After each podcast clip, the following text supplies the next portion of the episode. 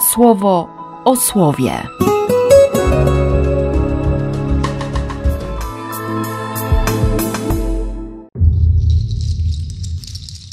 Szesnasty czerwca, czwartek. Uroczystość Najświętszego Ciała i Krwi Chrystusa.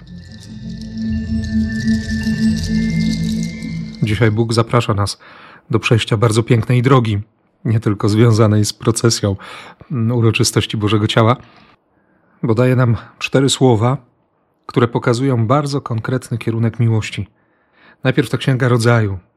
Moment, kiedy Abraham uratował swojego bratanka, rozbił pięciu królów kananejskich i, i wraca do domu.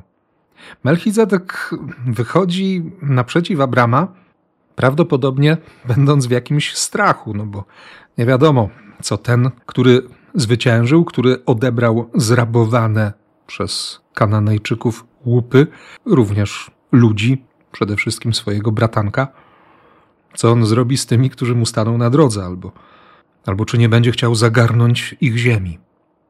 Biblia zaznaczy tylko, że, że Melchizedek jest królem, jest kapłanem i czci Boga niebios, Boga Najwyższego, Boga nienazwanego. I ten król wychodzi naprzeciw Abrama z najprostszym pokarmem. Daje chleb i wino. I Duch Święty uchwycił ten gest tak mocno, że i tradycja żydowskiej Paschy, i chrześcijańska Eucharystia zatrzymały tamto wydarzenie. I okazuje się, że to, co było tak proste, tak zwyczajne, dla nas dzisiaj staje się pokarmem na wieczność.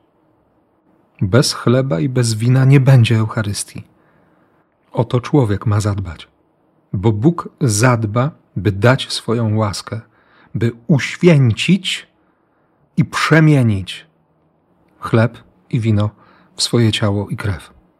I wtedy w tym akcie jedności, w komunii z Bogiem, Twoje i moje ciało staje się ciałem Chrystusa, a w naszych żyłach płynie krew Boga. Później ten Psalm 110 z uwielbieniem Boga i podziękowaniem za te tajemnice wybrania, bo przecież bez żadnych naszych zasług zostaliśmy wezwani, by, by stawać, nie leżeć w prochu i korzyć się, ale stawać przed obliczem Pana. A potem opis Eucharystii w 11 rozdziale pierwszego listu do Koryntian. Kiedy Paweł powie tak wyraźnie, to jest tłumaczenie Biblii Tysiąclecia, ilekroć spożywacie ten chleb i pijecie kielich, śmierć pańską głosicie, aż przyjdzie. Nowy przekład dynamiczny zaznaczy, kiedy więc schodzicie się, by wspólnie spożywać chleb i pić z kielicha, trwajcie w głoszeniu śmierci Pana. Czyńcie to do czasu, aż On przyjdzie powtórnie. Trwajcie w głoszeniu śmierci Pana. Czym jest głoszenie śmierci Chrystusa? Nie? Patrzysz na krzyż, ja patrzę na krzyż i widzę miłość. Miłość, która nie zna granic, która nie ma umiaru. Miłość, która wszystko stawia na głowie, a tak naprawdę przywraca normalność temu wszystkiemu, co myśmy postawili na głowie. To jest miłość. To jest krzyż. To jest wejście w śmierć.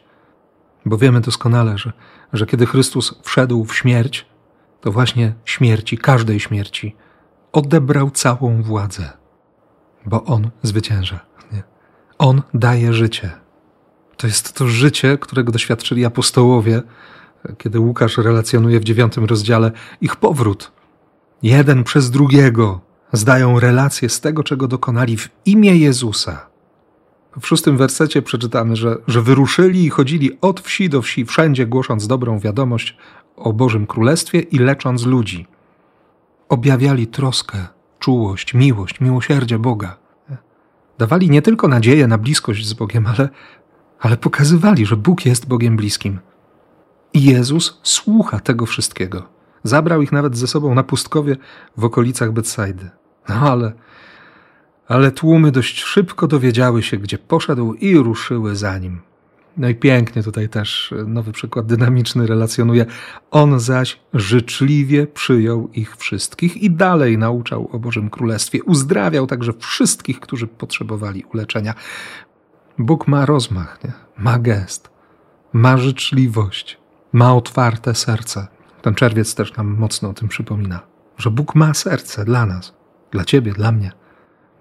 No i wreszcie jacyś uczniowie przychodzą do Jezusa i mówią: Może byś kazał temu tłumowi się rozejść, żeby ludzie jeszcze przed zmrokiem zdążyli dojść do jakichś gospodarstw, by znaleźć tam jedzenie i spoczynek. Jesteśmy przecież na zupełnym pustkowiu.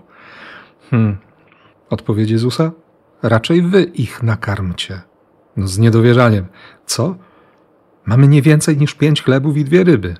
Naprawdę chcesz, żebyśmy teraz poszli kupić żywność dla całego tego tłumu?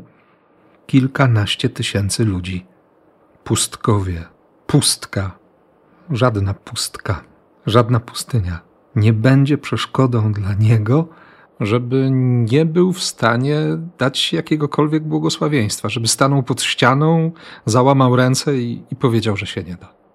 Nie będzie tak, że, że jemu nie wystarczy, że będzie za mało. Tak, owszem, no ile razy stajemy przed Bogiem nie?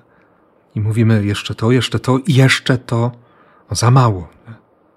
A na to wszystko jeszcze przekonanie, które, które gdzieś tam w nas jest, za mało, za mało się modlę, za mało poszczę, za mało. Diabeł często przychodzi z taką pokusą. Za mało, jeszcze za mało robisz. Jeszcze trzeba zasłużyć, jeszcze trzeba jakoś tak wpłynąć, nie? zmanipulować, przekonać go, że, że naprawdę, że teraz to, już, teraz to już powinien pobłogosławić. Bo do tej pory to, to jeszcze było za mało. Pięć chlebów i dwie ryby, kilkanaście tysięcy ludzi. Wszyscy się najedli dosyta. I jeszcze dwanaście koszy resztek chleba, zbywających kawałków.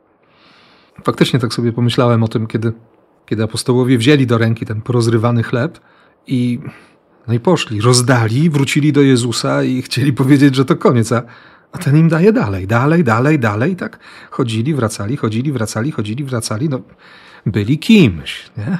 Tyle, że nie o nich chodziło. Tak, byli ważni, ale to wszystko było dzięki Jezusowi. Jest taka pokusa, nie? szczególnie dla nas, dla mnie i moich braci, którzy stoimy właśnie z tej strony ołtarza, najczęściej, mm, że się człowiek na sobie skupi, że skupi czyjąś uwagę, nawet na tych procesjach. Naprawdę jest we mnie takie, takie mocne przekonanie, że, że na tej procesji to powinien na początku iść krzyż i zaraz za nim Najświętszy Sakrament, a potem dopiero wszyscy inni. No bo przecież nie idziemy w procesji po to, żeby pokazać Jezusowi, jak żyjemy. On naprawdę wie, jak to wszystko wygląda. Idziemy w procesji po to, żeby zobaczyć, że On wszędzie tam, gdzie żyjemy, gdzie jesteśmy, już na nas czeka. On tam jest. Dzisiaj znowu przypomniała mi się ta procesja, główna procesja miejska w Poznaniu te dwadzieścia parę lat temu kiedy ktoś zapomniał chyba zasłonić niedaleko jednego z ołtarzy potężnego neonu na seks shopie. Takie zgorszenie. No a z drugiej strony, dopiero po latach dotarło do mnie przecież, przecież tam też wchodzą ludzie. Bóg się wycofa? Ojcowie Kościoła mieli dobrą intuicję – pokazując żłób jako miejsce przychodzącego Boga.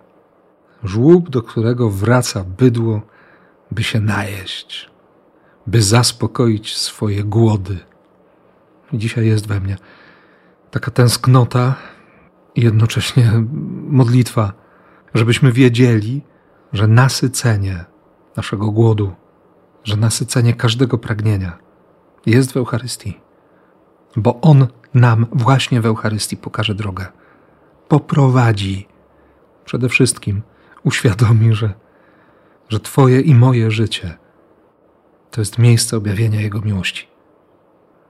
Nawet jeśli to życie, albo przynajmniej jego fragmenty, uważam za nic, za zbywające, niepotrzebne, albo za takie, których się wstydzę, od których uciekam.